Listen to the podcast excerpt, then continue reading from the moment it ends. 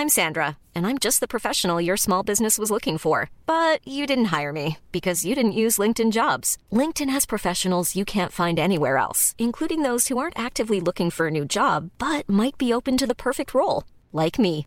In a given month, over 70% of LinkedIn users don't visit other leading job sites. So if you're not looking on LinkedIn, you'll miss out on great candidates like Sandra. Start hiring professionals like a professional. Post your free job on linkedin.com/people today. Many of us have those stubborn pounds that seem impossible to lose, no matter how good we eat or how hard we work out. My solution is PlushCare. PlushCare is a leading telehealth provider with doctors who are there for you day and night to partner with you in your weight loss journey. They can prescribe FDA-approved weight loss medications like Wagovi and Zepbound for those who qualify. Plus, they accept most insurance plans. To get started, visit plushcare.com slash weight loss. That's plushcare.com slash weight loss. This is Paige, the co-host of Giggly Squad, and I want to tell you about a company that I've been loving, Olive and June. Olive and June gives you everything that you need for a salon quality manicure in one box. And if you break it down, it really comes out to $2 a manicure, which is absolutely insane. It's also so easy to get salon worthy nails at home with Olive and June. The difference between how your nails used to look when you did them yourself and now with the Manny system is a complete game changer. The best thing about Olive and June too is it's a quick dry, dries in about one minute, lasts for five days, and full coverage in up to one to two coats. Visit oliveandjune.com slash perfectmanny20 for 20% off your first system. That's oliveandjune.com slash perfectmanny20 for 20% off your first system. Veckans sponsor är Telia. Hos Telia samlar man mobil, bredband, IT-support, mobilväxel, allt som gör företagande enkelt. Och det är just det här att samla allt på ett ställe, att ha någon att vända sig till när det inte fungerar, det är Telia. Ett exempel på vad som inte är Telia, det är ju som när jag lyckas boka förmötet för en poddinspelning med Finansinspektionen till efter själva inspelningstillfället. Eller när jag här, året var liksom, fick för mig att jag skulle börja springa, så jag är liksom ute och springer taggad, träffar en kompis som säger så här, du Jan, på måndag ska jag springa ett lopp. Och jag känner så här, ja men det låter inspirerande, så jag käkar pasta, jag byter om, tar mig ner till Malmö stadion för att göra en efteranmälan, står där i kön och sen så när jag liksom anmäler mig så tittar de på mig och säger så här, du Jan, vårhuset är bara till för kvinnor. Och eh, det var, det var typisk en situation som inte är Telia. Oavsett, ett stort tack till Telia som sponsrar, gör Rika Tillsammans möjligt, men framför allt tack till dig som lyssnar, följer och eh, hänger med oss varje vecka. Åtta av tio första dagar slutar på plus. Avkastningen är mellan 5 och 15 procent. Men problemet är alltid tilldelningen och att börsintroduktioner inte slår index över tid. Men det finns trick att göra. Du lyssnar på Rika Tillsammans-podden som handlar om allt som är roligt med privatekonomi. I den här podden får du varje vecka ta del av konkreta tips, råd, verktyg och inspiration för att ta ditt sparande och din privatekonomi till nästa nivå på ett enkelt sätt. Vi som gör den här podden heter Jan och Caroline Bolmesson. Idag är det dags för avsnitt 121 och idag så tänkte jag att vi skulle prata om hur man kan tjäna pengar och, på börsnoteringar Mm. och krydda till lite så här eh, sparandet. Ja, som annars är som att se gräs växa. Ja, precis. Eller Enligt se, vår filosofi. ja, eller precis, eller se målarfärg torka. Och jag tänker faktiskt att i dagens eh, avsnitt, jag tror att detta kommer bli ett lite längre avsnitt, misstänker jag redan nu när jag tittar Mm. på outlinen. Men eh, det är ju så att de senaste veckorna här har vi ju pratat om börsintroduktioner väldigt ofta. Vi har pratat både om EQT och sen till våra Patreon-medlemmar så tipsar vi om även om Akelius och eh, jag hintade om det i nyhetsbrevet eh, också. Ja. Sen är det så att när vi spelar in nu detta så vet vi att EQT gick ju superbra och Mm. alla som eh, anmälde sig tjänade ju från 2000 kronor och uppåt. Akelius vet vi ännu inte, så det ska ju bli Nej. spännande för det får vi reda på i slutet av veckan. Men hur är detta avsnittet liksom tidlöst kan man säga? Jo, För det, nu pratar vi om aktier som, som eh, har eh, börs... eh, introducerat. introducerats. Ja, Ska börs... Eh, nej, nej, har. Har. har. Jo men Akelius. Ja, Akelius är börsnoterat. ja, ja precis. Men, men Strunt som- samma. Hur det- blir detta avsnittet? Tid, varför ska man tidlöst? lyssna på detta? Ja. Jo, men så här, för att från tid till annan så tipsar vi om att eh, delta och eh, i de här börsintroduktionerna. Mm. Och eh, jag tänkte att liksom framförallt vad vi kommer fokusera på idag, det är den här första dagens felprissättning. Eller rabatten som alltid ges, eh, liksom först, inte alltid, men i de flesta fall ges. Eh, och jag tänker att vi ska framförallt titta på vad säger forskningen om börsintroduktioner? Så jag har faktiskt, jag tror jag har läst ett tiotal studier om börsintroduktioner och IPOs, som det heter på engelska då, Initial Public Offering. Så vi kommer titta på vad studierna säger. De är ganska entydiga även i detta fallet. eh, Okej. Faktiskt. Mm. Och, eh, och det kommer vara lite högt och lågt eh, i dagens avsnitt. Det kommer vara lite så här, egna empiriska liksom, observationer och vi kommer att hamna långt ner i kaninhålet. eh, I och- forskningen. i forskningen Mm. eh, också. Och syftet, som du säger, jag gillar det som du säger, att detta ska vara tidlöst. Och tanken är att det som vi går igenom i detta avsnittet ska kunna användas konkret för att tjäna pengar i börsintroduktioner och eh, få ganska höga procentuella avkastningar på de affärer vi gör. Men sen så finns det ju nackdelar också. Detta är ju ingen strategi liksom att bygga basen i sitt sparande, utan detta är som sagt en krydda att göra, för där finns vissa problem med de här börsintroduktionerna som vi kommer, som vi Mm. kommer att prata om och som forskningen också är ganska tydlig med. Så att vi kommer också prata om då tips för att öka sannolikheten för att få tilldelning eller tjäna pengar. För det är ofta det som kommer vara problemet. Man får inte tillräckligt många aktier att det blir en stor summa pengar. Nej. Och sen så kommer vi också titta på så vad, vad har vi själva gjort för observationer och vad säger studierna eh, om det här faktiskt. Mm. Men jag tänkte faktiskt också att innan, en, en sista grej innan vi kör igång med själva avsnittet, så måste jag säga att jag har haft, att jag, jag uppskattar all feedback eh, som jag får, eh, eller som vi får från er eh, tittare och lyssnare och läsare.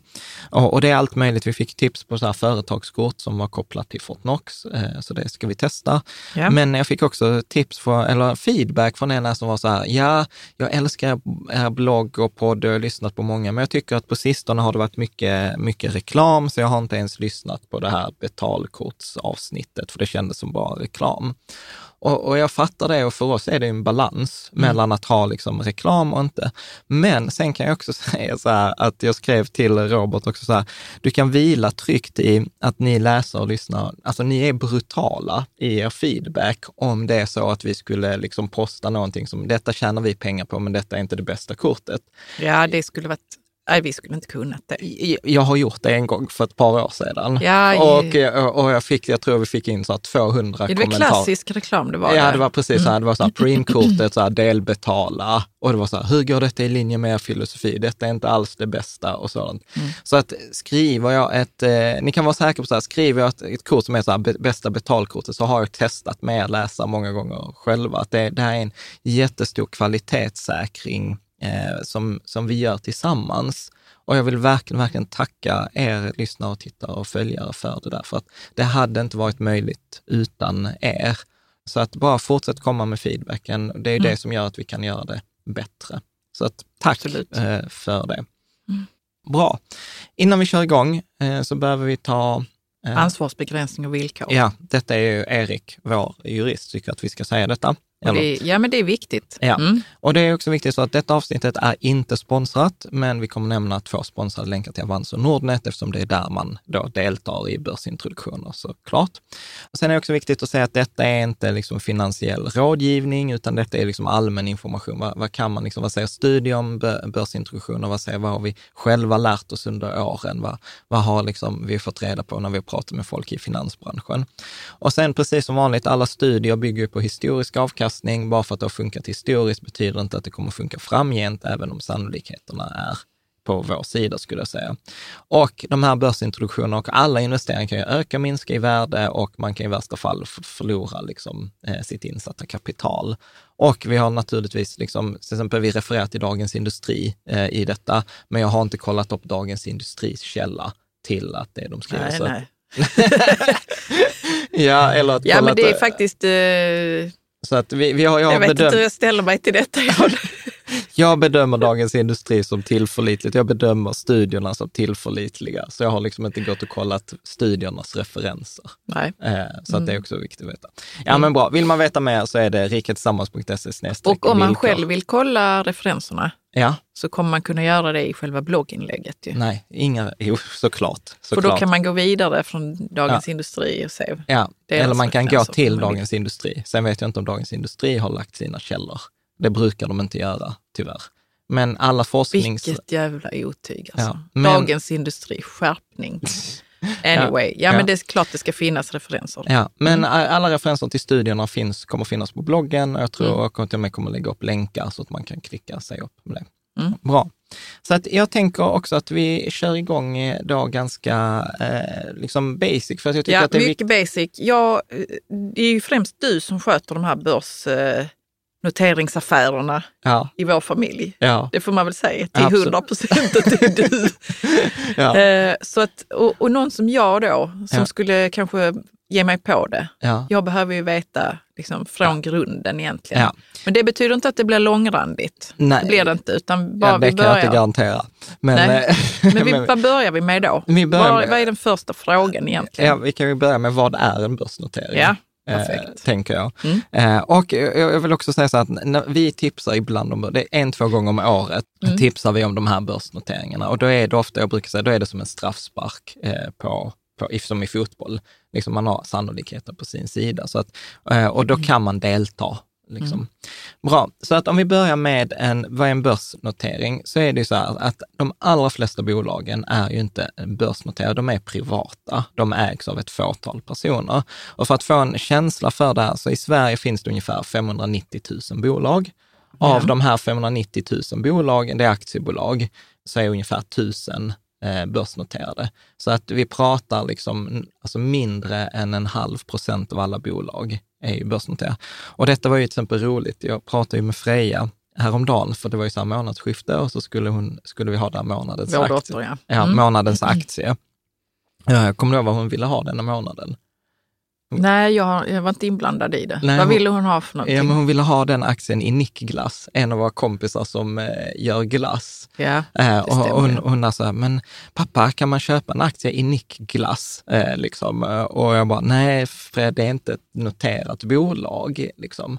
Och, det är så, de flesta bolag kan man inte köpa aktier på ett enkelt sätt. Och jag brukar ibland jämföra det att, eh, att handla med de här onoterade, alltså, onoterade aktierna, handla med aktier som inte finns på en börs, det är som att handla med begagnade grejer, fast du har inte Tradera eller du har inte Blocket. Nej, det är inte så lätt Det är inte så att lätt. genomföra. Nej, för att du vet inte vem som säljer. Du, de som säljer vet inte att du är en köpare. Och det är Nej. väldigt knökigt. Det, det, liksom, det funkar inte särskilt bra. Och därför har man liksom då noterat, eh, alltså därför har ju vissa företag insett att det finns en möjlighet för oss att tjäna pengar genom att då sammanföra de som vill sälja saker med de som vill köpa saker. Mm. Blocket har det som affärsidé, Tradera har det som affärsidé och ett företag som heter Nasdaq som då har det som affärsidé att sammankoppla folk som, som har aktier med folk som vill, eh, Vill köpa köpa aktier. Så en börs är egentligen bara en marknadsplats i, i, i, i, det, i det grundläggande. Och då när man börsnoterar, då gör man sitt bolag tillgängligt på den här börsen så att det blir enkelt för alla som äger aktier i bolaget att handla med de här eh, aktierna. Och för att man ska då kunna få, få handla, alltså bli börsnoterad, så behöver man uppfylla på vissa kvalitetskrav och, och regelverk. Ja, det är inte vilket Nej. bolag som helst Nej, som kan så- bli börsnoterat. Nej, Nej. precis. Man, man skulle ju nästan kunna jämföra, om jag ska göra en dålig jämförelse, som till exempel på Amazon eller på, på Tradera. Där säger man så här, ja, men du får inte vara här på denna listan förrän du har fem stjärnor från tusen personer. Är du med? Alltså Mhm. att man har fått Mm. en bra betyg. Man måste ha skött sina affärer någon annanstans för att kunna hamna där då. Ja, precis. Mm. Och, det är bara det att när vi pratar om börsnotering så handlar det om att det måste vara en spridning på bolagets aktier. Det kan inte vara en person som äger alla aktier, utan det måste vara olika. Till exempel, det måste vara 500 aktieägare, det måste vara 1000 eller 300, det är lite olika. Man behöver genomgå en legal granskning, man behöver ha en erfaren styrelse, man behöver lämna rapporter med jämna mellanrum, man måste ha en flik på sin hemsida som heter investerare gäller investor relations. Man måste informera om eh, vissa krav. Man får inte som ledande person utnyttja information själv, liksom det som kallas för insiderhandel och, och så vidare. Ja. Så att det finns en massa krav för att kunna få då börs, börsnoteras. Eh, då. Behöver man ha ett stort bolag? Eller hur? Alltså det är lite Det känns som att det är liksom vissa bolag som når en viss punkt Ja, i, vad ska man säga, omsättning, eller? ja precis. Ja. Så kan, ja, precis. Omsättning eller börsvärde eh, brukar man ju prata om. Alltså där måste finnas ett värde på bolaget. Och ja, ja, nu, nu är jag inte expert, för jag är inte så intresserad av de här frågorna, men jag tror att det, det är från 25 miljoner kronor. Måste man I värde på bolaget. Ja, Och då kan man köra igång en ja. sån här börsnotering. Ja. Mm. precis. Mm. Men varför börsnoteras man egentligen? Alltså, det finns många olika anledningar. Alltså det vanligaste, till exempel tittar man på Avanza, såna Avanza-akademin, så är det så här, ja men man vill få tillgång till nytt kapital. Alltså att det finns, bolaget behöver kapital till exempel till att utveckla någonting eller köpa upp ett annat bolag eller man, man behöver pengar. Och då är det ett enkelt sätt för massa andra personer att bidra då med kapital. Problemet när, liksom, för detta är det, så här, det rätta svaret, liksom alltid när man pratar så här, för att få tillgång till kapitalmarknad, få tillgång till nya aktieägare och nytt kapital. Okej, men du menar att det finns alltså ett annat svar? Ja, nej men för, för så här, tittar man på forskningen eller på studier så fanns det till exempel eh, många studier som visar så här, men företag kan ju få finansiering på annat håll. Man kan få finansiering via private equity, alltså onoterad, alltså gå till en liten grupp investerare. Man kan få eh, finansiering via att ge ut, eh, alltså gå till räntefonder och liksom ställa ut obligationer. Man kan få, alltså så att det finns massa andra sätt att få finansiering. Sen var det en studie som tittade där man intervjuade 336 finanschefer på börs, bolag som hade börsnoterats. Och det visade sig att det var inte behovet av kapital som de rankade ens som viktigast. Nej, Eh. vad var det? För jag har en fördom här. Jag så berätta om din fördom. Jo, men det är ju att man vill att bolaget ska liksom visa upp sig som ett riktigt bolag. Absolut, så Mm. det har jag faktiskt som en punkt sen, att kvalitetssäkring, marknadsföring, Ja, är ju det är absolut, det är en marknadsföring. marknadsföring för, eh, för bolaget. Och titta, vårt bolag är börsnoterat. Det är ju liksom så, Jo, är liksom, vara då är det, det är någonting att räkna med. Ja, och jag Ja. sitter i en börsbolagsstyrelse. Alltså det, det är klart det är status. Eh, Okej, men berätta, vad sa de egentligen? De här, eh, var det vd-arna? Nej, eller? alltså jag vet inte. Utan jag, bara, nej, jag bara tittade på att det var inte det som var det viktigaste. Nej. Sa de. Och sen var det en annan studie som tittade på, okej, så vad använder man pengarna som man faktiskt fick in? Mm. Och då var det mer än 50 procent av pengarna lades bara i kassan. Så att eh, Vilket också kan vara bra ju. kan också vara bra, men, Men det är en ganska, dålig, men det är en ganska liksom- dåligt sätt för ett företag att få avkastning på sitt eget kapital. Om, om jag som investerare investerar i ett bolag så vill jag ju att de ska få en högre avkastning eftersom jag har tagit en risk. Absolut, jag vill ju inte ja. bara att de ska Mm. lägga pengar på ett bankkonto, för det kan jag göra själv. Mm. Så att det är ett ganska okreativt sätt. Eh, Jag skulle säga så att det är ofta ett tecken på eh, en, inte alltid en, en dålig ledning, men det är en okreativ ledning. Eh, Så skulle jag säga. Så att vad, när man tittar på studierna och, så här, och min också erfarenhet, så varför eh, börsnoterar man? Och det är mycket som pekar på att man börsnoterar för att man kan och inte för att man behöver. Och man börsnoterar för att man kan, det vill säga när man upplever att man får mer betalt än vad något är värt. Med? Så att man liksom säger, okej, men nu är vi är värda 100 kronor, men marknaden bedömer oss vara värda 110. Ja. Då är det lika bra att vi utnyttjar, Mm. utnyttjar det. Och, och det är också en, en, ofta en möjlighet, jag ska säga att detta är nästan den viktigaste um, anledningen till att man börsnoterar sig, att man vill ge tidigare ägaren möjlighet att kliva av. Att eh, liksom, man har haft personer som har jobbat i tio år, eh, liksom, eller man har gjort bra. Och nu så, ja, Som har satt ska- in pengar tidigt, Ja, så vill- investerat tidigt. Ja, och så vill man ge dem en möjlighet att casha ut en del åtminstone av sina pengar. Ja, för att, ehm, när jag har pratat med människor i sådana här finanssammanhang Mm. så har det varit som en exit. Ja, När bolaget börsnoteras, då är det en exit för mig. ja. Och jag har varit med sedan starten och sånt Ja, där. ja Mm. precis. Så att då, liksom, då diversifierar man, man har haft den stora uppgången. Så det, det bör man också vara medveten om. De stora uppgångarna i företagsvärlden uppstår nästan alltid innan bolaget kommer till Mm. börsen. Alltså, eh, de som är kritiska till börsen brukar ibland säga att börsen är en begagnad marknad. Eh, Ja. på, på sätt och vis. Men grejen är så här, det har ju vissa fördelar att det är en begagnad marknad, för då vet man att det funkar. Mm. Det är alltså, bra grejer, man. Ja, de för, säljer. Ja, för många grejer innan börsen funkar ju inte. Alltså Nej. de flesta bolag läggs ju ner. Eh, så att man anser att man har fullvärderat bolaget. Till exempel många gånger så är det riskkapitalister som säger, så kan vi köpa in oss i detta bolaget, vi kommer kunna effektivisera det, vi kommer kunna konsolidera det, vi kommer kunna köpa upp andra bolag. Och så säger man så här, nej men our work is done, nu kan inte vi göra någonting mer, nu lämnar vi över det till andra som är duktiga i nästa fas. För att bolag går igenom olika faser. Och då kan man säga att en, en, en fas är färdig.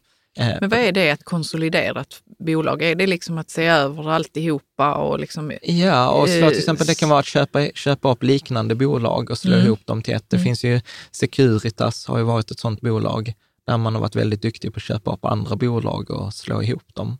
Mm. Bra. Sen är det mycket så här, köpa andra, köpa andra bolag, svårt kanske att göra själv, men kan man betala det är ganska vanligt att man säger så att vi köper ett bolag, ni får betalt i aktier i vårt bolag. Vem är det nu som eh, gör Nej, men till exempel jag är Securitas och du har Mm. ett litet vaktbolag. Yes. Och så säger jag så här, men jag köper ditt bolag, men istället för att betala kontant så säger jag du får aktier i vårt bolag. Ja, Så betalar jag med aktierna, Mm. för du kommer kunna sälja dem på börsen. ja. Liksom. Ja, och sen så var vi inne på det med kvalitetsstämpel, marknadsföring etc.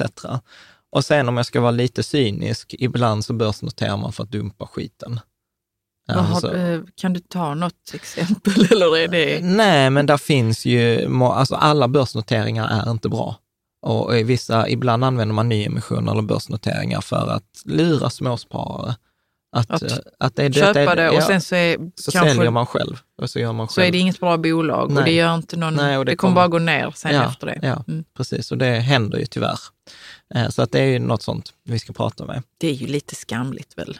Vi kommer att prata mycket som är skamligt i detta avsnittet, eh, kan jag säga.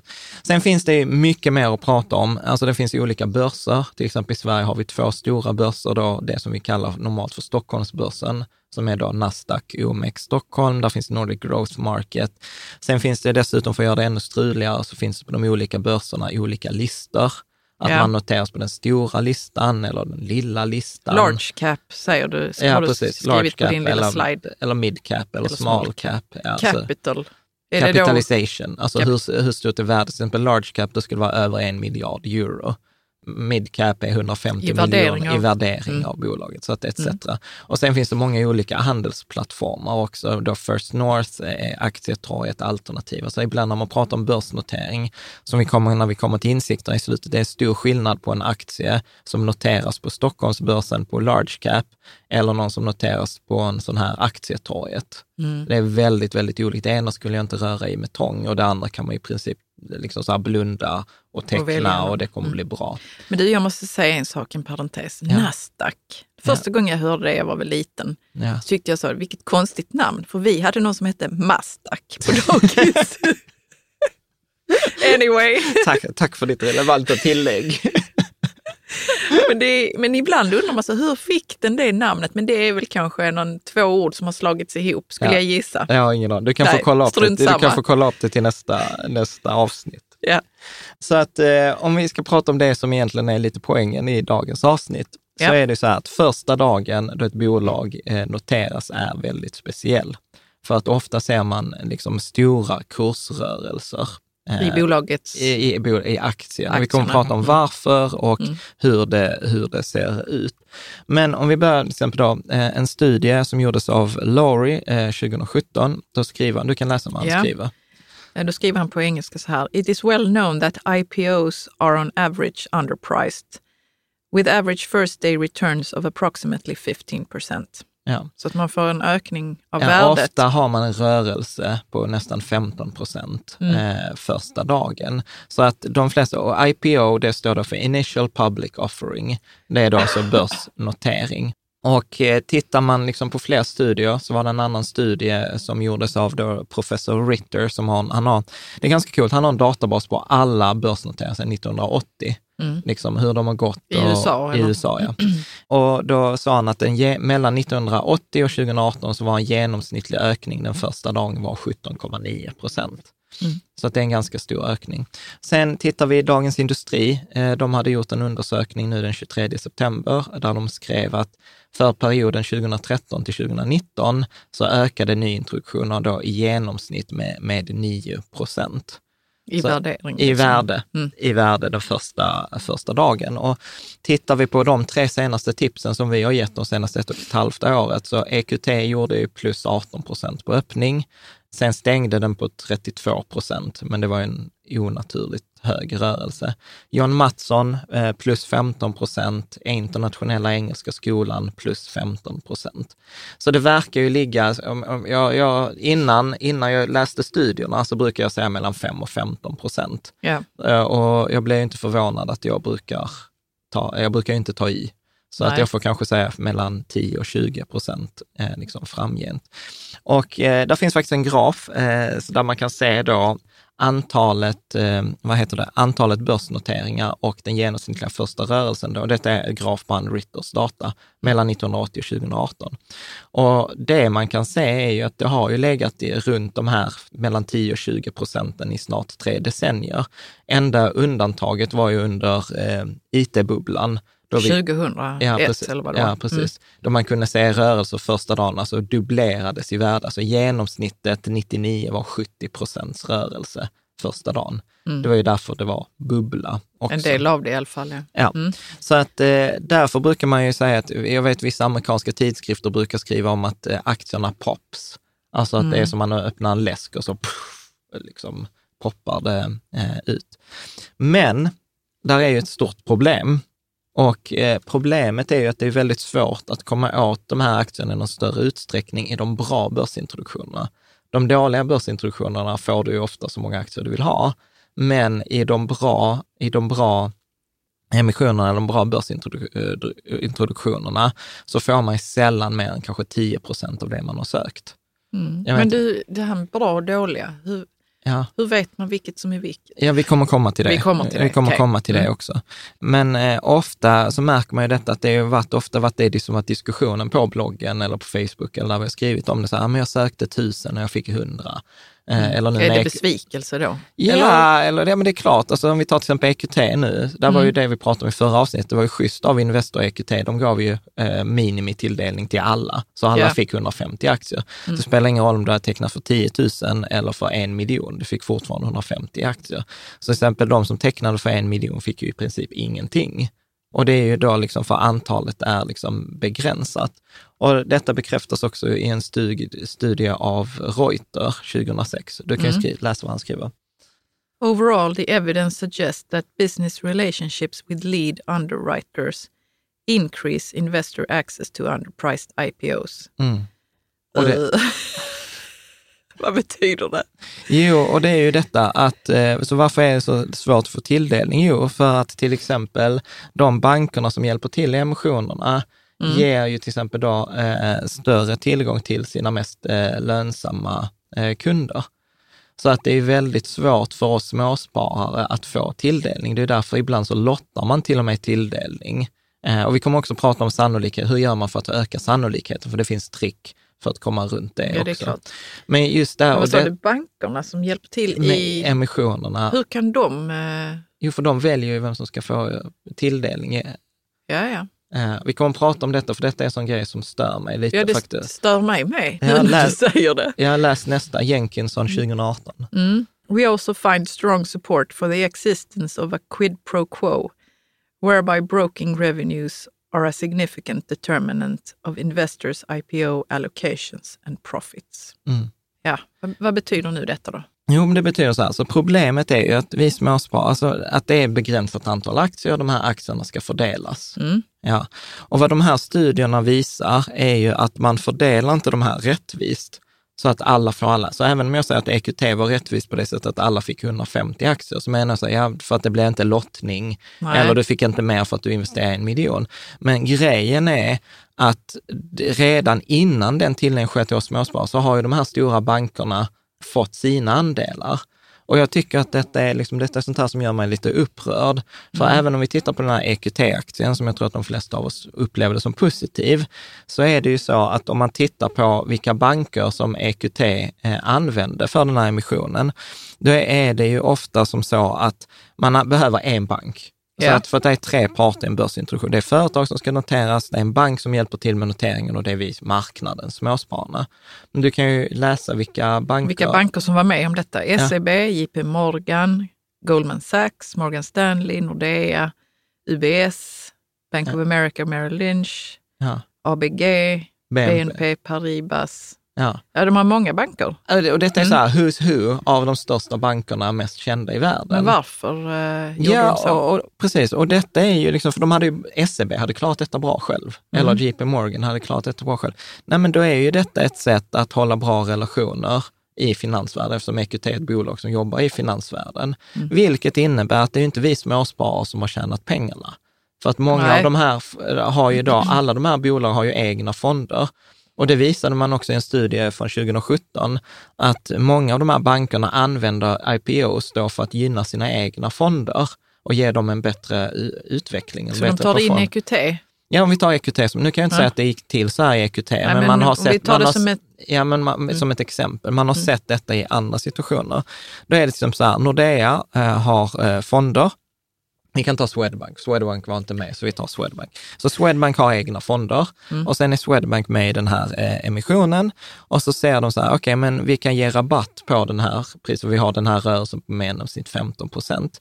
Om vi har fonder som har gått dåligt, så kan vi tilldela en stor andel till de här fonderna, eller de behöver inte ha gått dåligt, vi, vi ger bara mycket aktier till våra fonder, så kommer ju de få en högre utveckling den dagen som inte en annan fond kan få som inte är på den banken, för de får inte den tilldelningen. Nej. Och så får de ett bättre resultat. Ja. Och det är ju liksom, för mig är Man blir så här- lite lurad. Ja, men det är ju nepotism.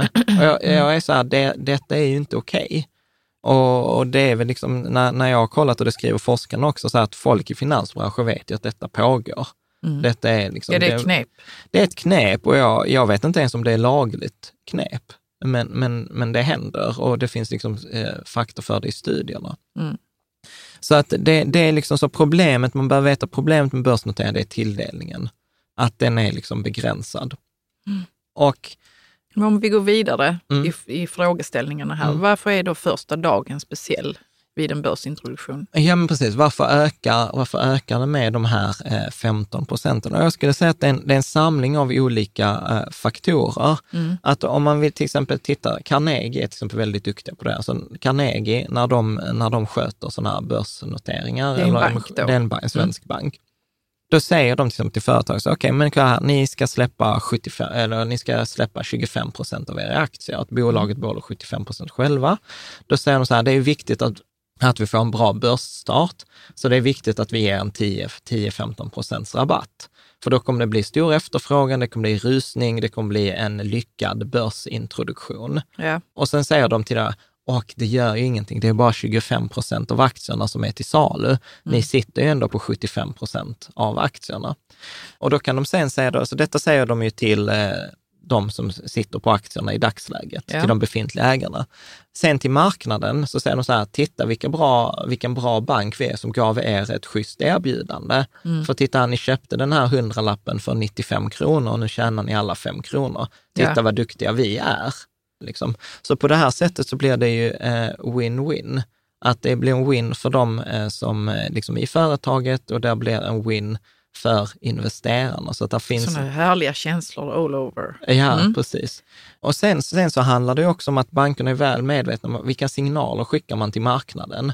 För att om, om plötsligt det skulle vara så här att 90 procent av alla börsintroduktioner är skit, ja då kommer ju ingen vilja teckna sig i kommande börsintroduktioner. Nej. Och då blir det ju svårt att eh, sätta bolag på börsen.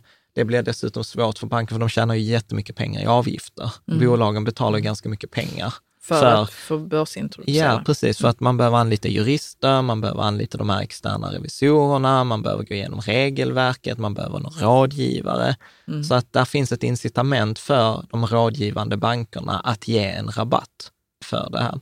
Och sen är det ju liksom också när man tittar mer på forskningen, så eh, om vi hoppar ner lite i kaninhålet, Ja. då säger forskningen så att det är en informationsasymmetri. Att eh, det finns liksom tre parter i den här börsintroduktionen. Det är företaget, det är marknaden och det är banken. Och all... Vem sitter på mest information här? Nej. För det är det jag, jag gissar att det är det som... Ja, men precis. Nej, men tricket är att ingen sitter på mest information, utan alla sitter på en del information, Aha, men mm. ingen sitter på all information. Nej, okej. Så, så till exempel bolag, ledningen i bolaget, de sitter ju på all information om bolaget. Mm. De vet hur kommande order ser ut, de vet vilka kunder, de vet vilka marginaler, de vet vilka utmaningarna, de vet vilka liksom Pelle som inte jobbar på lagret, alltså de vet allt. Ja. Men den informationen vill man ju inte dela med sig. Nej. För du vill inte dela med dig av den informationen till marknaden, för marknaden finns det i dina konkurrenter. Mm. Så, så du vill inte berätta vad betalar dina kunder? Hur Nej. har ni löst liksom, den interna utvecklingen? Så att man, man har information, men man vill inte dela med sig av all information. Marknaden å andra sidan vet inte så mycket om bolaget, men marknaden som helhet, alltså vi summan av alla investerare, vet ju exakt vad efterfrågan är. Ja. Men det vet ju inte bolaget, eller hur? Mm. Så bolaget kan ju inte, liksom, har ju svårt att prissätta sig själva, för de vet inte vad marknaden är villig att betala. Nej. Medan marknaden vet vad den är villig att betala, men den vet inte om bolaget. Nej. Och sen har du banken som försöker då medla den här informationen, men samtidigt då ska den balansera att företaget ska vara nöjda, men investerarna måste också vara nöjda.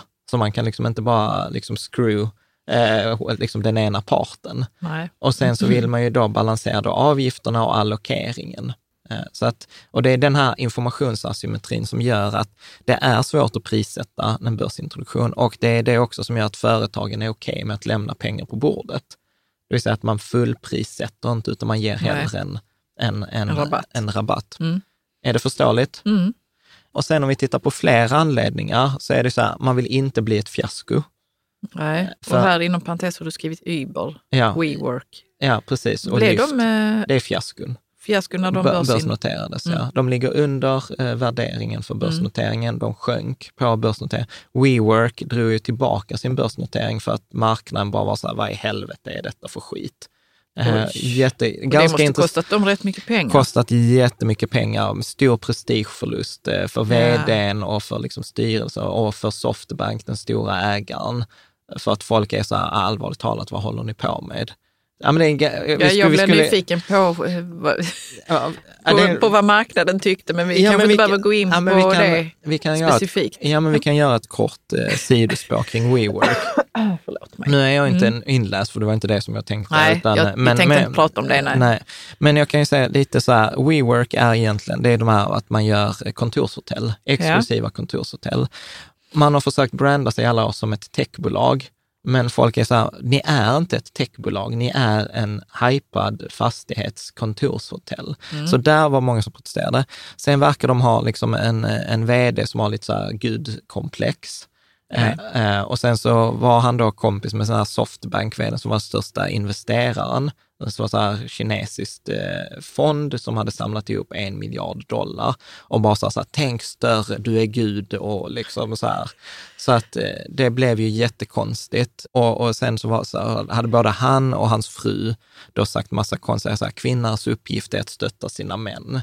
Eh, Okej. eh, hade det, Ja, det kan bli jättekonstigt eh, Ja. om man blandar in ja, och sen var det massa att den typen av diskussioner. Ja, och sen så var det massa att han hade liksom köpt fastigheter privat och sen hyrt ut dem till bolaget och tagit överpris för det. Och sen var så här organisationsstrukturen. Det var en artikel på, jag tror det var Wired, som visade så här organisationsstrukturen. Och det var, liksom, det var ett skämt. Det, var så här, det, var, det gick inte att fatta. Nej, Så de drog ju tillbaka. De drog Okej. tillbaka. men det, eh, de existerar fortfarande ja, ja, som bolag. Ja, men Mm. de inte, kommer inte börsnoteras i någon framtid. Ja, eh, Lyft var också där, Ubers konkurrent. Så att, eh, så att man vill liksom inte bli det här för att alla kommer ju prata om det som ett fiasko. Ja. Alla artiklar, Dagens Industri, Business, alltså allt på det där. Och, och särskilt viktigt skulle jag säga detta med fiasko, det är ju viktigt för företag med starka ägare. Så till exempel EQT som börsnoterades hade ju Val, eh, Investor som storägare, vilket är familjen Wallenberg. Mm. Är det någonting man kan säga om de svenska rika familjerna, de håller väldigt låg profil. Mm. Man vill inte hamna i Dagens Industri eller i nätverk som så här, man har blåst småspararna på pengar. Nej. Så att, man är, så att det där är också, hellre ge rabatt och komma upp som good guy än att försöka maximera intjäningen. Mm. Sen är det också naturligtvis så här, efter, tillgång efterfrågan, stor efterfrågan, liten tillgång driver upp priset. Till exempel EQT nu återigen övertecknades tio gånger. Så det fanns ett, liksom, Eh, Vad betyder det? Att det fanns tio gånger fler som ville ha? Ja, så säg att det fanns 100 aktier tillgängliga Mm. och folk hade efterfrågat 1000 aktier. Ja. Så att, Mm. eh, Och det gör ju också att det driver upp eh, priset. Sen är det också så att man eh, underprissätter eller man gör rabatt för att locka investerare till att ta risken. Nytt bolag, så här, så här, men om ni får rabatt, då är det mer motiverat att ta den här risken. Mm. Och sen finns det massa andra också, till exempel eh, i USA så är man ju så himla rädd för att bli stämd. Och skulle det felprissättas så kan man bli utsatt för class action lawsuit, alltså att du blir gruppstämd. Och, det, då är, säger lagstiftningen också att då räknas det på noteringskursen. Så genom att sänka noteringskursen så minskar du risken för en stämning. Mm. Så där finns, där finns många in, incitament. Eh, och ett av de eh, liksom sådana som man inte tänker på ofta är också något, att i en börsnotering så har banken möjlighet till det som kallas för stabiliseringsåtgärder. Och detta är Banken? Ja, Mm. så att du kan, Hur det då? ja, du kan läsa, detta är från, direkt taget från EQT-prospektet eh, Ja, förra veckan. stabilisering, okej. Samband med erbjudandet. I samband. I samband med erbjudandet kan Joint Global Coordinators med ECB som ansvarig komma eh, att genomföra transaktioner i syfte att hålla marknadspriset på aktierna på en nivå högre än den som i annat fall kanske hade varit rådande på marknaden. Mm. Jag tycker detta är så fin formulering. Så SEB Ja. kan alltså genomföra transaktioner, alltså köp och sälj, i syfte att hålla marknadspriset på aktierna, att hålla aktiepriset på en nivå högre än den som i annat fall kanske hade varit rådande. Vilket betyder så här, att om SEB tycker att liksom så här, okay, den är felprissatt, den sjunker, så kan de stödköpa aktien för att hålla ett visst pris. Och då kan man känna sig trygg. Ja. Ja. Sen skriver de så, det är inga garantier, vi garanterar inte att vi kommer göra det, vi garanterar inte vilken utsträckning, det är tid, alltså du vet, det är hundra hängslen på det här. Men detta är ju ett sätt, för man vill inte råka ut för det där fiaskot. Och i EQT så var det Wallenberg, det var EQT, alltså det var så många som var inblandade, alla de här stora kända bankerna, och ingen av dem vill ta risken. Och då kan de göra de här stabiliseringsåtgärderna under en period. Och detta var ju en av anledningarna, alltså alla sammantaget, till att vi gick ut och rekommenderade detta till alla. Liksom, för vi var så här, sannolikheten för att, detta, för att EQT-notering skulle bli en katastrof var, alltså var obefintlig. Ja. Så att eh, det kan de göra. Bra. Så att om vi ska försöka sammanfatta nu, liksom, så, okay, så vad är det för faktorer som vi tittar på, eller när, som jag tittar på? Som när, du tittar på när du undersöker om det är något Ja, att precis. rekommendera. Ja, precis. Mm. Och då ska jag säga så här, på bloggen rekommenderar vi bara det bästa av det bästa. Sen kanske vi själva eller på, på, på så här- så här ska jag säga, officiellt på bloggen när jag skickar ut ett extra nyhetsbrev, då är det bara det bästa av det bästa. På Patreon brukar vi dela upp även nivån under, så att om det är så att jag skickar ut straffsparkarna, så fri, vissa bra frisparkar precis i anslutning till straffområdet, de brukar skriva på Patreon. Och sen vi själva ibland gör också liksom frisparkar i lite sämre eh, läge. Men någonting som jag då tittar på är så här, är bolaget lönsamt?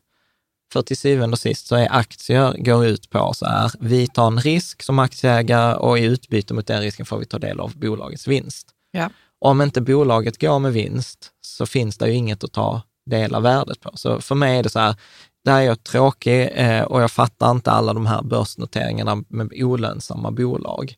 Utan jag tycker att ett Nej. bolag ska ju gå med vinst. Är det att man tycker att i framtiden kommer det bli Ja. lönsamt, men det har ingen vinst i, I nuläget? Nej, många så här Spotify är ett sådant bolag som Mm. vi Det tecknade minns inte. jag när det börsnoterades. Ja, det var inte så länge sedan. Och jag var Nej. så här, de har aldrig visat vinst.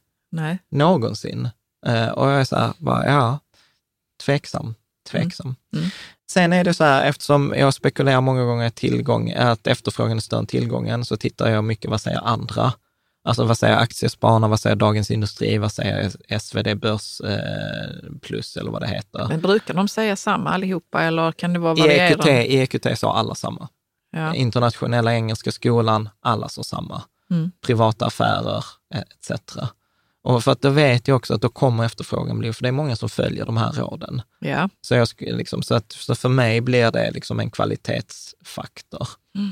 Någonting annat jag tittar på är, så här, finns det institutionella investerare? Mm. Alltså är det, går Swedbank in till exempel, eller går eh, Carnegie in? Alltså de här, alltså går proffsen in? Mm. Eh, Eller är detta för att om proffsen inte gillar det, då är det, då är det sån shit dumping på småsparare. Och om inte proffsen går in, då ska inte småspararna gå in heller. Eh, tycker jag. Och det, det ser man i media då? Ja, ofta Mm. står det ju det. Det står i prospektet också, den får, man ut. Att Precis, liksom det här, kommer det är en- information från de som ger ut. Ja, att Mm. till exempel så här, ja men det emitteras, eh, de här aktierna, 40 procent är redan tecknat av eh, Swedbank Robur. För det är en, det är en trygghetsstämpel. Mm. Wow, men du vet, köper, köper Swedbank, då är det bra. Jag vet ju att många läsare använder det. Rekommenderar Jan det, då litar jag på Jan. Mm. Och det är det som är lite så här, det är trevligt och lite vanskligt, eh, för att vi kan också ha fel. Och sen är det också så här, finns det en hype eh, kring det här? Vi kunde teckna säkert Spotify, nu vet jag inte hur Spotify gick, men Spotify var ju så här hypat. Det var hypat, men det Ja, jag vet inte hur det gick faktiskt. Eh, Så att, men ibland kan man köpa bara på hypen. Liksom. Ja. Sen brukar jag ställa den här frågan också, så här, finns det någon som kommer skämmas om det misslyckas? Precis, ja. Och det, men det är ju alltid någon, men är det rätt person? Nej, det är inte som- alltid någon. Är det inte? Nej, om det inte finns en stark ägare, Nej, okej. alltså som i Mm. EQT, ja men 25 procent av EQT ägs av Wallenberg. Mm. Wallenberg kommer få skit om inte detta funkar. Mm. Så att eh, det är därför jag kan till exempel Akelius också en sån, det finns en riktig person där bakom som heter Roger Akelius, tror jag. Mm. Eh, Så att eh, det är inte, och sen är det inte som att alla måste vara jag, men detta är liksom olika aspekter att titta på. Eh, Sen tänker jag mig så här, skulle jag i nödfall kunna tänka mig att bli sittande med aktien? Ja, vill du ha den fastän den kanske inte gick Ja. så superbra som du ja, trodde? Ja, Mm. så, fast detta är så här, eh, alltså, när jag pratar om börsintroduktion så är spekulation i den här första dagen. Ja. Jag vill inte äga det på lång sikt, men i, om det värsta skulle inträffa kan jag tänka mig bli sittandes med den här, alltså i Mm. nödfall. Mm. Och till exempel med EQT var svaret ja. Eh, I Akelius-fallet är så också svaret ja. Men liksom eh, är svaret liksom så här, eh, Bluff och båg AB, vill jag bli sittande med dem? Nej, det vill jag kanske inte. Nej, men då är jag inte ens med i den. Vad?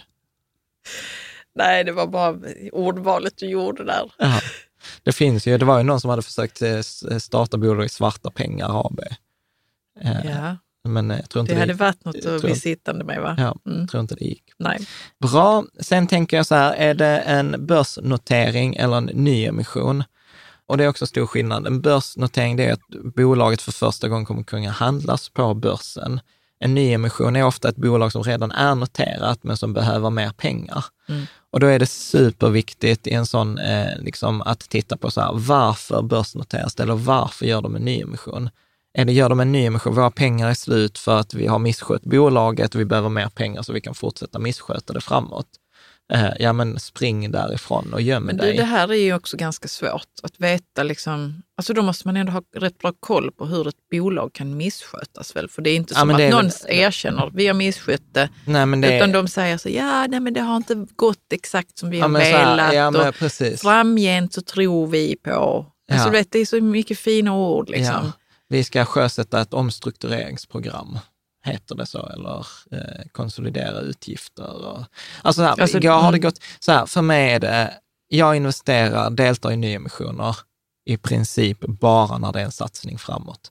Mm. Man ska köpa någonting, man ska investera i någonting, inte för att täcka löpande utgifter. Det är därför jag inte gillar Spotify till exempel. Nej. För att de har aldrig gått med vinst.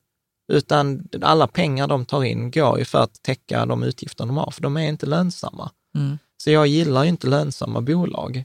Sen ligger det mig... Sen ligger Olönsamma bolag. ja, förlåt. Jag, Mm. ja, gud ja.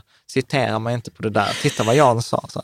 Jag gillar inte lönsamma. Jo, jag älskar lönsamma bolag. Jag hatar olönsamma. Mm. Och, där, och där är jag väl liksom eh, gammeldags. För att tittar vi på majoriteten eh, av noteringar så, så liksom de senaste åren har det ökat jättemycket. Det finns grafer på det. Att för, för 20 år sedan många var, bolag vill börsnotera sig. men som Mm. inte är lönsamma. För 20 år sedan, du kom inte in på börsen om du inte var lönsam. Så Nej. du var tvungen att vara Och lönsam. 20 år sedan är inte så lång tid Nej. då faktiskt. Nej, precis. Men hur då gammeldags? För jag tänker mig att hur kan det vara bra att köpa bolag som inte är lönsamma Nej, men då? pratar man Alltså, med Spotify så är deras case här, vi kommer att bli lönsamma i framtiden, nu är det viktigaste inte att vara lönsam utan det är att växa. Ja, ja, okej. Och så säger man så. Så låter det rätt bra ändå. Ja, ja, det är massor av människor som investerar det. Uber är ett Mm. typiskt sånt exempel. Inte heller lönsamma, det bara, det bara brinner pengar liksom, Mm. i, i dem. Men någon gång i framtiden. Men då, då är det ju så här, då, då, då spekulerar jag. Jag tar mycket hellre ett bolag, detta har varit så här, SKF, skittråkig aktie, gått, eh, nu vet jag inte om SKF har varit lönsamma, men jag hittar på att SKF har varit lönsamma i många år. Men det är ett sjukt osexigt bolag. Mm. Liksom. Och det är därför jag gillar indexfonder. För köper du indexfonder så kommer du ha majoriteten lönsamma bolag. Mm. Mm. Bra. Bra. Och sen så tittar man också så här, vilken lista noteras det på? Och där är tumregeln, ju mindre lista, desto större försiktighet. Jag pratade med en kompis som sa så här, alltså när det noteras på den riktiga Stockholmsbörsen, till exempel på large cap, ja, då kan man typ eh, blunda och köpa och det kommer bli bra. Är det på någon av de mindre listorna, ja då behöver man vara väldigt försiktig, för där är vissa introduktioner eller emissioner på de mindre listorna där han var så här, spring och göm dig, eller ta inte i det med Ja, och du har listat de listorna Ja, här ja, ja precis. Men, eh, Så så att man- men, men detta är också så här, så att jag, liksom, återigen, vi, vi är nästan aldrig på de små listorna, Nej. utan då ska det vara ett undantag för att man gör det. För det är dessutom så att vissa institutionella investerare, till exempel, de får inte investera på de små listorna för att risken är så mycket högre. Och, och där finns också, nu kan jag inte siffrorna i huvudet, eh, men jag tror att det är så här 80 procent av bolagen på large cap är lönsamma och så är det typ mindre än hälften av bolagen är lönsamma på den minsta listan. Så ju Mm. mindre lista, desto mindre lönsamhet oftast. Ja, Är det rimligt att det kommer rabatteras? Det det här? är nästa fråga. Ja. Ja, Mm. och sen också så här, hur ser villkoren eh, ut? Så att detta är ju sånt här, Men mm, det här, hur ser villkoren ut? För nu tänker jag så att även om man är helt ny kring det här så ska man ändå kunna liksom ta med sig mycket matnytt. Vad är det här med villkoren? Eh, Står det i prospektet då vilka villkor det är? Ja. Eller? Mm. sen, är, sen kan det vara problem så här, prospekt, EQTs prospekt, 240 sidor. Alltså så här, man pallar inte. Så att, Nej, jag tänkte så, man kunde leta upp... Eh, Ja, men det är därför jag brukar rekommendera... Vissa grejer ja, men precis, men det är därför jag brukar rekommendera så här, men läs de här analyserna, för där är ju till exempel när privata affärer skriver, då har de ofta gått igenom det. Eller när Dagens Industri eller de här, Mm. att man aktiespararna.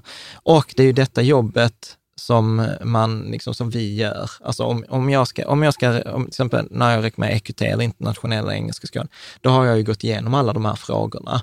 Och så att för mig är detta avsnittet också lite ibland att i framtiden när det kommer ett nytt case, då kan jag hänvisa så men titta på detta för att fatta vad en börsnotering är. För att titta på detta kan man göra, men det kräver liksom mycket jobb och då är frågan så här, är det värt det jobbet? om man inte älskar att göra det. Nej. Precis. Men, men då är till exempel villkoren är så här, eh, är det institutionella investerare, är det stabiliseringsåtgärder? Hur ser det, hur ser det ut? Vad är riskerna? Mm. Etc. Så att eh, om, om vi börjar titta på, så, så vad, är, vad är slutsatser som man kan börja dra, liksom, om vi ska börja runda av? Vi har en del slides kvar, så det är inte det sista. Men, men då tänker jag så här, småspar står som vanligt sist i kön. Det är viktigt att veta och, och kom alltid ihåg, de bästa affärerna kommer aldrig till dig som småsparare. Och, och, och, och anledningen är ganska enkel. Alltså om, eftersom det här till exempel krävs rätt mycket dokumentation, bara en sån grej.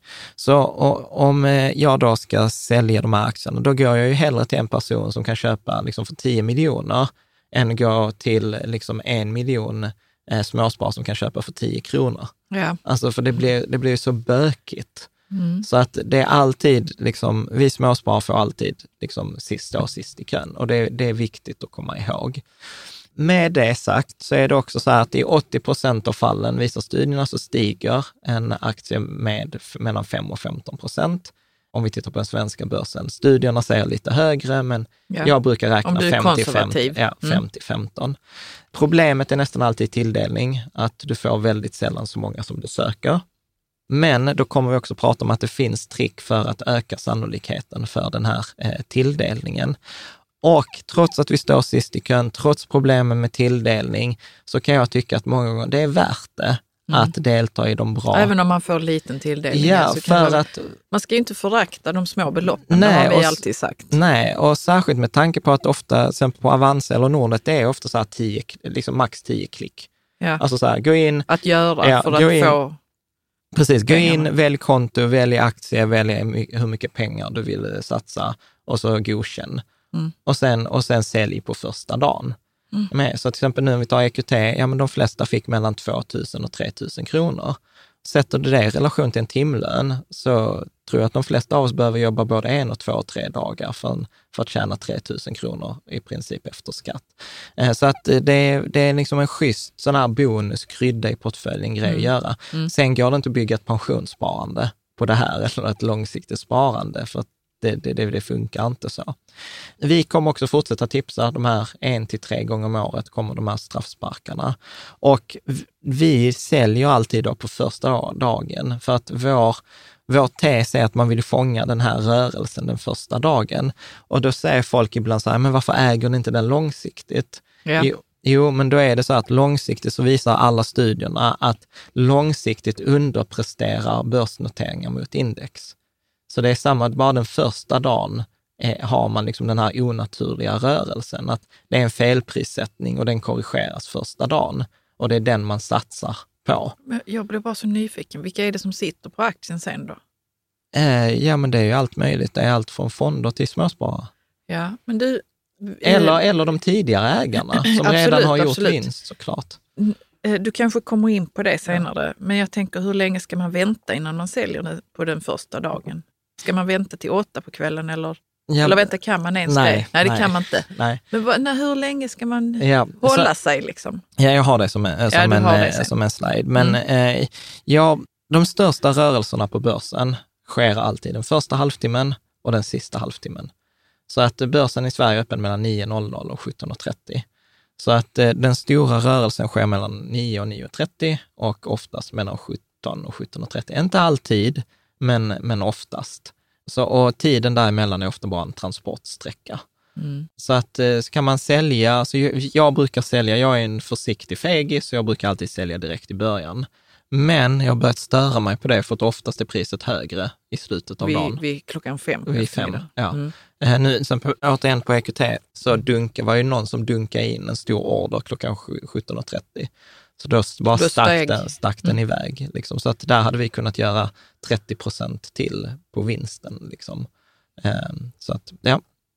Så, så jag tänker att vi ska titta på lite överkurstrick och tips. Ja. För att problemet är ju, som vi har varit inne på, allokeringen. Att man får ju ofta inte så mycket tilldelning som man vill ha. Ju större tilldelning, desto, Desto mer pengar tjänar man ju. Ja, Mm. eh, precis. Så att eh, det första eh, tricket som jag brukar säga så här, det är ju att eh, om du till exempel är kund på Avanza, öppna ett konto även på Nordnet. Mm. Eh, så att du har både, liksom, du, har, du är kund på flera banker. Och du får jättegärna använda våra sponsrade länkar om du vill vara med och sponsra oss. Det kostar dig ingenting och naturligtvis är det kostnadsfritt. Och de finns i anslutning till avsnittet. Och detta är vad du brukar kalla att vara ombytt till matchen. Ja, precis. Liksom att om man har kontona redo Ja, när så- det kommer ett sånt här tips. ja, så Så att man inte behöver sitta med det och, och fippla liksom Ja, när det är ja. stressigt. Precis, Mm. precis. Vissa gör ju till och med så att de öppnar, att de är ännu mer ombytta, så de öppnar konto på SEB, Handelsbanken. Det har inte vi gjort, det liksom pallar jag inte. Jo, för du menar att när man har multipla konton, liksom, Ja, så ökar man sannolikheten. ja, att få tilldelning. Ja, lite Mm. beroende på hur det ser ut. För att bolagen och banken kan själva välja. Så ibland så sä- sä- sätter de en begränsning eh, per konto. Mm. Ibland så sätter de en begränsning per personnummer. Och då Ja, spelar då är det ju en person. Ja, det kvittar hur många konton man har. Exakt, exakt. Men då är ju tricket istället att teckna, att öppna konton både i sitt eget namn och i sin partners namn. Så vi har ju konto i både ditt och mitt namn och vi har konto i våra företagsnamn också och, och i barnen. Så att då har man kanske fyra, fem personnummer redan där. Man kan Mm. Detta ta sin, kan man alltså göra för man vill. Ja, precis. Man kan ta sin mamma och sin pappa och liksom, ja, ja man fattar. Mm. Men är det, får man detta? Det, alltså man kan göra det. det är ja, ja, inget, ja. Nej, det är ju inget, eh, jag vet Alltså inte. du brukar säga så, jag vet inte om detta är kosher. eller Jag vet det- inte om detta är kosher, nej. Eh, jag, jag vet folk som gör så här, så kan vi säga. Ja. Öppna företagskonto, det har vi pratat om. Eh, olika typer av konton, att man kan ha till exempel tjänstepension, ISK, eh, aktiedepå etc. Så att man har liksom ett smörgåsbord där man kan liksom använda. Ja, och, och eh, ansöka om att Ja. få tilldelning i vart och ett av dem. Ja, Mm. precis. Sen är ju problemet, man måste ha pengar för att täcka den på alla kontona. Men, eh, men, men ta till Det exempel... är ju också att vara ombytt, ja. det kan inte Ja. vara noll på kontona. Nej, nej, Nej. precis. Och, och där finns det också lite olika trick. Men till exempel om vi tar eh, EQT, så där gjorde vi så, vi hade ett konto där vi sökte för mycket pengar, flera hundratusen, och vi fick 150 aktier som alla andra. Men sen gjorde vi också så att vi sökte på flera konton och då fick vi ju till, jag tror vi fick total tilldelning på sju konton Ja. eller något sådant. Så då blev det inte så att det blev 2 000 kronor i vinst, nej men det blev 14 000 kronor i vinst. Och då är det plötsligt liksom så här värt det. Ja. För då, är det, då är vi, börjar vi närma oss inte bara dagslön utan månadslön. Mm. Överkurs, överkurs, detta är inte till för alla utan man behöver veta vad man håller på med. För att slippa ha de där pengarna på alla de där kontona Ja, så kan man koppla kredit. okej. Och det kan man på Avanza och Nordnet. Så att då dras, får du tilldelning så dras det exakt så mycket pengar som du har på eh, som du får tilldelning på krediten. Vilket är ganska smidigt för då behöver man ha pengarna stående där. Nej. Och, Och man, man man undviker in. skatteeffekter om Ja. man sätter in och tar ut pengar. Mm. Så det, det är ett överkurstips. Ett annat överkurs, detta är sjukt riskabelt. Jag gör det ibland och det har eh, exploderat på mig vid något tillfälle också. Okej. Och det är ju att överteckna. Att man, För du fick mycket då? Ja, så att till exempel att eh, jag misstänker att det kommer bli övertecknat. Jag misstänker att man inte kommer få så många som man vill och säger att jag vill ha tusen aktier, men jag misstänker att det kommer bli övertecknat. Då ansöker jag om 5 000 aktier. Mm. Och då vet jag att då kanske jag får 2 000 aktier istället för 250. Problemet är att om det är en dålig emission, den inte blir övertecknad, ja då får du full tilldelning. Och Och så, då- vill, så är det, kan man inte bli av med den sen? Jo, du kan bli av med det, men du kan bli av med det till en förlust. Ja. Så att, Trist. eh, så Mm. att natt, eh, liksom så här, Man måste veta att Ja. det blir bra. ja precis. Så Mm. att eh, man behöver veta vad man håller på med. Men det är ett ganska vanligt trick också. Och när vi ändå liksom pratar om det här så tänker jag så att jag tänker mycket på investeringar och de här börsintroduktionerna som ett kulspel. Mm. Eh, och för detta var ett tips jag fick av Ingmar, eh, en fondförvaltare för många, många år sedan. Och han sa alltid så att investera handlar om sannolikheter. Och han, han pratar alltid om sin påse med kulor. Eh, så det var till och med vid ett tillfälle jag köpte en påse med kulor eh, och skulle illustrera detta. Men säg att vi har en påse med 100 kulor. Då säger forskningen till exempel här att vid börsintroduktion, då kommer du ha 80 kulor i av de här 100 som kommer ge en vinst på ungefär 15 procent, men säg 50-15 procent. Ja. Sen kommer jag ha 20 stycken kulor som kommer ge en förlust. Och det betyder att om jag liksom leker med att jag deltar i de här börsintroduktionerna över tid, så är det som att dra kulor ur den här påsen. Och eftersom där är fler vinstkulor än där är förlustkulor, och så länge som inte förlustkulorna är sådana att du blir av med alla dina pengar, vilket sällan händer i börs, även om det går dåligt, så kommer jag ju gå plus. Menar, för där är fler, det är 80 procent sannolikhet för de här. Så jag tänker liksom inte på det så himla mycket känslomässigt, utan jag tänker ju liksom att, att detta är en kula jag drar. Sen råkar den ibland heta EQT, ibland heter den Ambea, ibland heter den FM Mattsson, ibland heter den Akelius. Men det spelar ingen roll, utan det är bara en ny kula, ny kula. Nej, den gick inte. Ja, men då drar vi en ny kula. Ja. Och över tid så kommer du gå med vinst på de här eh, liksom, eh, kul. Det är bara liksom en kula av, eh, Av av många. många. Mm. Och det handlar också om att släppa taget om det här vanliga misstaget som många gör, är att när man förlorar pengar på en aktie, så, så sitter man kvar i den av någon underlig anledning och så ska man sälja den när man är plus minus noll. Och jag är så här, sluta, det kan jag liksom säga så här, sluta tänka att du måste få revansch i den enskilda aktien. Du kan väl för tusan få revansch i någon annan aktie. Det är mycket större sannolikhet att du får revansch i en annan aktie än att du sitter kvar i något skit. Så, Ja. så därför brukar jag säga, det är därför jag alltid skriver så här, jag säljer första dagen oavsett vilket. Ja. Oavsett om det går upp eller ner. Går det upp, grattis, jag tjänade pengar, jag hade rätt, perfekt. Går det back, jag förlorar, jag hade fel. Du sitter inte och väntar då. short. Nej, Nej. alltså att inte ha den här känslomässiga kopplingen till det, utan för, återigen, tänk på det som en kula av många. Mm. Bra där Ingmar. Ja, precis. Ja, men jättebra, för att det, det blir mycket lättare att hantera det här om det inte ska vara så mycket förhoppningar Nej, och förväntningar. nej. Nej, Nej, precis. superbra. precis. Och tittar vi liksom, eh, vi måste säga någonting om riskerna. Eh, liksom, så riskerna här är, du kan få tilldelning på hela innehavet och kursen backar. Och det kan backa för att det är en dålig emission. Alltså någon har klantat sig. Mm. Men det kan också vara så här att man eh, noteras en dag då USA bestämmer sig för att invadera Iran och börserna Ja, faller med kunde man 30 inte veta och det ju. kunde man inte liksom Nej. veta. Så, att det kan vara så där bör man också liksom skilja. Ofta om det är en sån händelse så brukar den hämta sig ganska snabbt. Men man, det kan hända att det går back. Det finns inga garantier. Eh, Även om jag kallar det för en straffspark, det är bara att titta på en eh, liksom, VM-match. Folk missar det- straffsparkar Ja, det finns också. en målvakt. Ja, det finns en målvakt. Sen ibland, som i EQT-fallet, har målvakten en ögonbindel och får stå med ryggen mot bollen, men man kan ändå sparka den utanför. Liksom. Eh, I värsta fall, det är väldigt osannolikt, eh, är att man skulle förlora hela innehavet. Eh, Så att även, jag kan på många sätt tycka att många av de här börsnoterade är ändå bättre så här onoterade investeringar, du kan bli av med allt eller bli fastlåst. Och sen naturligtvis, många av studierna, det vi har pratat om, bygger på historisk avkastning och det är inte en garanti. Så min egen regel är ju så här, bara göra börsintroduktioner och ny- nyemissioner för pengar i lekhinken. Ja. Eh, jag måste faktiskt säga så att jag hade ju workshop här för två veckor sedan och i Stockholm och då var det en, en kvinna som heter Rebecka, som var så här, vet vad, det är så här, den, där, den där fjärde hinken, vad är det den heter? Den där, den där discohinken. jag gillade det. egna namn.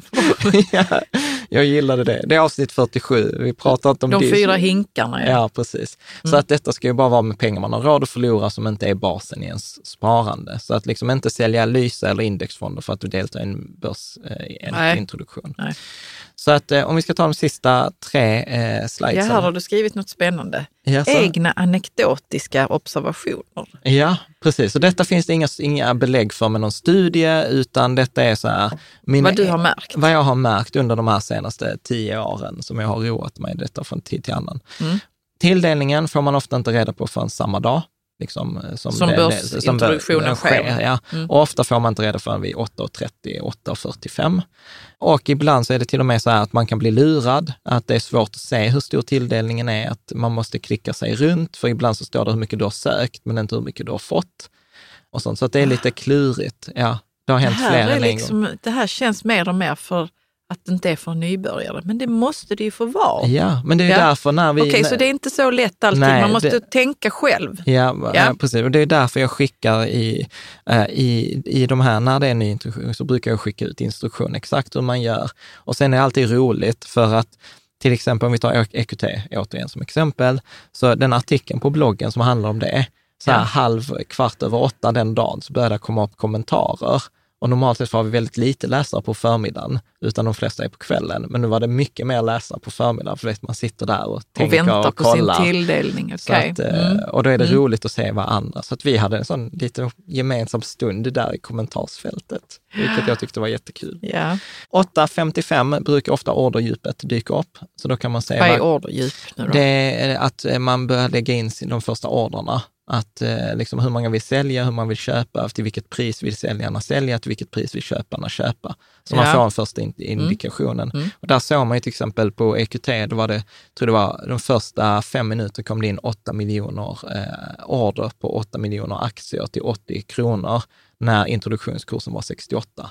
Så redan där var det så här, pa, liksom perfekt. Vi har varit inne på det, största rörelsen sker första, ofta, första och sista halvtimmen på börsen. Ofta är det en transportsträcka.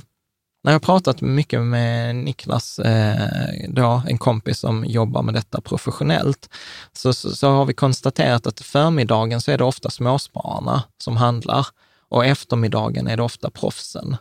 Också- är det en observation eller är det så? Ja, ja, vår observation är så, Ja. när, när vi har tittat. Eh, Och sen- vad betyder det då för, eh, alltså är, det, är småspararna mer Småspararna eh, är dumma. krampiga? Liksom, Nej, de är dumma. dumma. Ja, alltså jag är ledsen och jag Och hur inräknar är i dumt den. beteende då?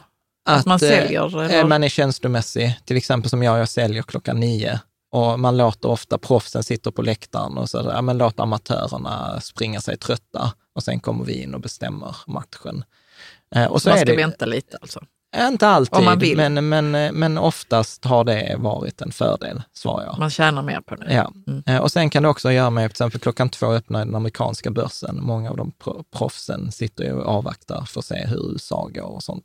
Och detta kan man ju se då, för exempel, för där står i den här listan så står det ju vilka banker som gör affärerna. Som jag som handlar via Avanza så står det ju på, all, alla kan ju se att Avanza har handlat. Ja. till en viss, de kan inte säga vem på Avanza som har handlat, men att Avanza har handlat. Så där kan man ju kolla och Avanza Nordnet är ofta småspararna, de handlar där. Svenska banker kan man ofta säga, det är de svenska proffsen som Ja. handlar. För en svensk fond handlar via en svensk bank, ofta då till exempel Carnegie eller SEB eller så här. Och utländska banker är ofta utländska proffs. Så att då kan man ofta se tendenser. Sen är många gånger anonymt och då är det ofta så här hedgefonder, börsrobotar Hur och kan så. det vara anonymt? Jo, man tillåter anonym handel. För de vill inte spegla, liksom skylta med vilka namn. Nej. Men ofta anonymt är också, ofta också proffs. Mm. Så då kan man börja se tendenser. Så att jag brukar nu mer, kommer jag nog i framtiden säga så här, sälj hälften på förmiddagen, sälj hälften på eftermiddagen. Ja, då får man lite, bra... lite, eh, lite av båda. Jag, jag är alltid så. Sälj, alltså jag tänker inte ens att man kan dela upp det så som du har sagt. Ja. Nu sälj hälften på Nej. förmiddagen. Nej, men ofta, ofta så är det ju så att eh, jag kan vara så här, bättre en fågel i handen än tio i skogen. Mm. Och så här, liksom, ja, men jag var supernöjd med mina 2000 spänn på EQT. Visst, hade jag väntat hade jag kunnat ta 2400 spänn. Eh, liksom. Om vi ska ta lite observationer från studier, så kan, eh, ska du läsa. Lowry Ja. ett, eh, från 2017 Ja. Säger “Since the 1990s the largest IPOs are frequently the most underpriced”. Vilket är så här lite ointuitivt, men de största börsintroduktionerna, de största företagen ger ofta mest rabatt. Ja. Vilket är så, har jag inte tänkt på, men eh, makes sense. Liksom. Ska du ta nästa? Är det för de har råd med det eller? Ja, och för att det är ofta mer, det är mer eh, investerat, det är fler som har incitament i att det ska gå bra ja, och sånt. precis. Ja. Ja. Okej, eh, Lowry säger också “Less than 20% of IPOs has negative first day returns”. Mm. Okej, så det är bara en femtedel, mindre än en femtedel av alla. ja, börsintroduktioner som slutar negativt första Ja. dagen. Ja. Så, att, eh, så att det är därför jag pratar om påsen, 80 kulor som ger Ja. vinst, 20 kulor som ger förlust. Ja, ska du fortsätta? Eh, uh, Lee and Wahal 2004 säger “We find that venture capital-backed IPOs experience larger first day returns than comparable non-venture-backed IPOs”. Mm. Vilket är också ganska spännande. Så riskkapitalbackade, alltså så bolag som har ägts till stor del av riskkapitalbolag ger en större vinst. Också helt ointuitivt, för man skulle tycka att proffsen, de vill hämta hem mer pengar. Men då är det också så här, nej men de vill ha ett bra rykte, de vill kunna göra bättre affärer i framtiden. Så då ger de också en, en rabatt. Lite ointuitivt innan jag hittade detta i studien faktiskt. Ja. Kul. The. George från 2017, den här studien säger “Positive relation between the gross underwriting spread and the first day return”. Mm. Så att ju större spread, för ofta ger man ett intervall när man börsintroduceras. Till exempel EQT var ju mellan 62 och 68 kronor. Ja. Så ofta ju större spread, desto större rörelse. Eller desto, liksom. Och det hänger väl också ihop med att då kan bankerna ta mer betalt eh, för att spreaden och då kan man ge lite mer rabatt i, i slutet. Liksom. Mm. Ska vi ta en sista? Eh, Eh, här står det bara trend. Eh, just det, detta är min egen spaning. Eh, och det din är- egen lilla observation. Ja, precis. Berätta, berätta. Nej, men det är att fler och fler börsintroduceras, eller fler och fler företag börsintroduceras utan att gå med vinst. Och det är liksom så här, jag tycker ju att det är ett otyg. Och är det så att det kommer bli ännu fler eh, bolag så tror jag att detta kommer skifta de här oddsen. Ja, så Att- det är inte 80 80-20 kulor kan som går med vinst Nej. och 20 som... gå med förlust. Om det är så att bolagen som noteras är förlustbolag. Liksom. Mm. Eh, Så att det är viktigt att ha i åtanke. Vi har några st- två studier till, eller tre. Mm. Här har vi Lowry 2017 igen. Do IPOs underperform over the long term measured as the three or five years following the offering? Fråga. The answer is yes if we compare them to a broad market index, but the answer is no if we compare them to firms of similar size and book to market. Mm. Mm, detta vad- får du översätta lite. Ja, så vad, vad de säger i sin studie är att eh, han har frågat sig så här, så överpresterar de här börsintroduktionerna mot index över en 3 till 5-årsperiod? Och det är svaret nej. De går sämre än index över en 3 till 5-årsperiod. Mm. Däremot går de bättre än motsvarande bolag i samma storlek eh, och samma bransch. Nej, i samma storlek. Ja. Vad, vad ska vi göra med den informationen? Att, eh, Jag känner mig in- helt förvirrad. Nej, att inte investera i börsnotera långsiktigt. Du säljer Nej, första okej, dagen. ja, bra. Ja, bra. för det kommer gå sämre än index över tid. Ja. liksom enkelt. Mm. Ja. Här, eh, Dimensional 2019 säger Dimensionals research team studied the first year performance of more than 6,000 US IPOs from 1991 to th- 2018 and found that generally underperformed industry benchmarks. Mm. Så samma, det är en annan studie, ett annat företag. Man gick igenom 6 000 börsnoteringar mellan 1991 och 2018 Mm. och noterade att de underpresterade mot index. Ja. Så att så det är ingen tvekan om att eh, de underpresterar mot index. Så en indexfond är bättre över tid än att sitta och köpa börsnoteringar och hålla dem. Ja. Så Ja. att det liksom, och sen för att slå in eh, Spiken ordentligt. spiken så kan vi ta Financial Times också. Yeah, we analyzed all IPOs in the US rising more than 1 billion since 2000 and found that the, dir- that the direction of first day movements was no guide to future performance. Mm. Så där finns ingen så, oh den ökade mycket första dagen, alltså kommer den gå bra. Eller Nej. nej, den backade, den Mm. kommer gå dåligt. Mm. Så där finns liksom inga sådana samband som många pratar om. Så att det är också så här bara, nej men detta är liksom så här lite fakta.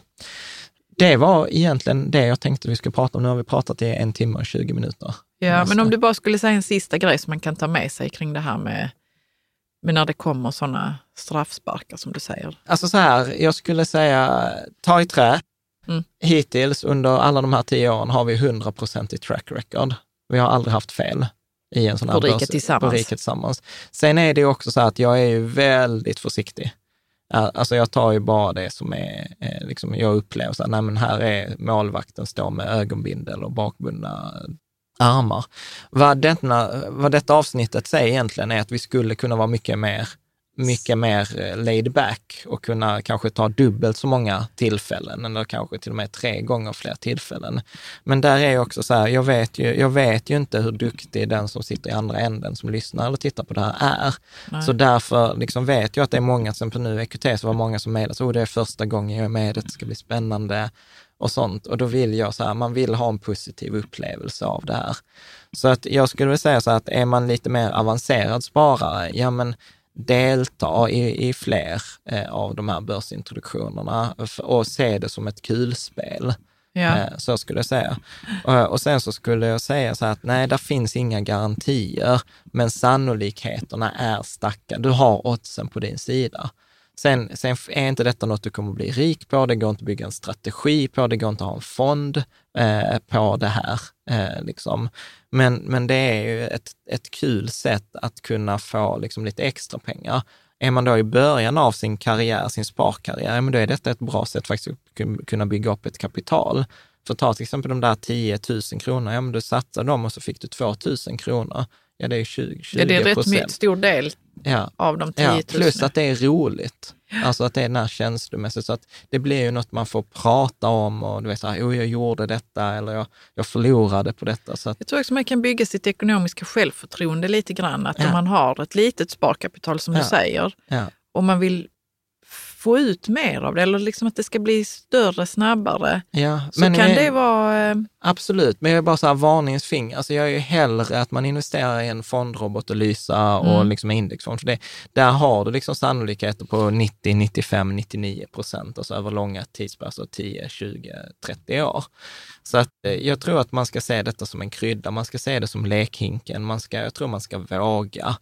Och eh, ja, förhoppningsvis så, så ge, gör detta en lite tryggare. Mm. Men att man inte ser det som någon så garanti, för det Nej. finns inga, inga garantier. Liksom. Mm. Så skulle jag säga. Eh, bra. Bra. Så att, eh, jag tänker så här, om du tyckte att detta var kul, eh, så häng gärna med oss även i framtiden. Eh, om du lyssnar på detta i en podd, prenumerera på podden.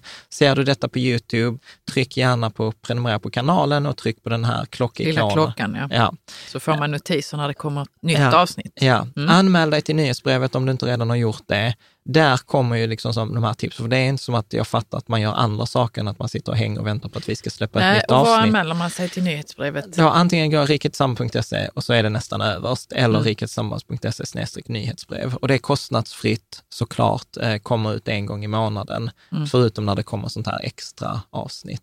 Sen är det ju tyvärr så här att eh, ofta är jag ju ganska snäv med deadlinen, för att eh, ofta är så här, men emissionen eh, får man reda på första september och sen kommer den ske deadline den 20. Problemet är att jag kan inte gå ut med det förrän ofta kanske den 17-18.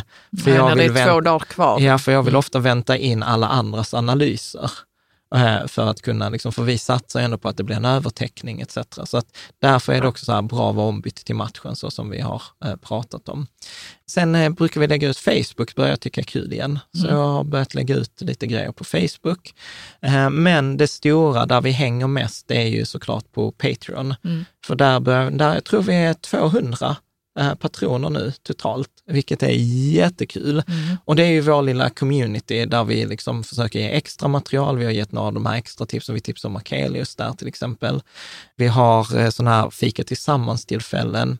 Digitala fika tillsammans. Ja, precis. Så att det är som en livepodd, man, man är med och så ställer jag frågor till då till exempel gästen eller så kan du ställa frågor om du vill eller andra läsare. Ja. Så vi har haft Och man kan sånt- också bara lyssna.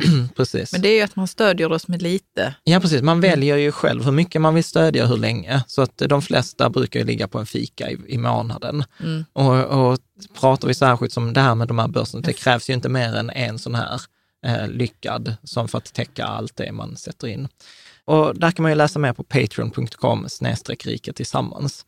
Men jag måste faktiskt få dela, det var så här, tacka Oskar på Patreon, för han skrev ett så himla fint meddelande till oss. Kan inte du läsa vad han skrev? För jag Jo. blev helt rörd. Detta och tidigare kommentarer idag och tidigare eh, dagar här på Patreon och nyhetsbrev är så jäkla bra.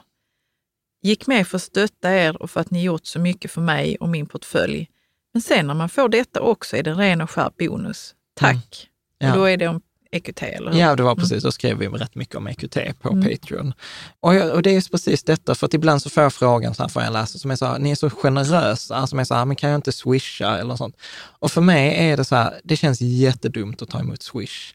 För då blir det som, du vet, jag, fattar att det inte är tänkt så, men som att det blir en allmosa, men det är svårt för mig att ge tillbaka Ja, någonting. på Patreon kan vi ge tillbaka. Ja, ja precis. Och då man- brukar jag säga så här, du, du som vill swisha, ge hellre, gör någonting för en annan person eller skänk dem till välgörenhet. Men liksom, vill du vara med och stötta, gör det på Patreon för att då kan vi få återgälda det på, på, på något sätt. Så att så resonerar kring Patreon. Och eh, med det så återstår väl egentligen att bara säga så här, tack för Tack den för här idag. veckan. Mm. Och så hoppas jag att vi ses nästa vecka.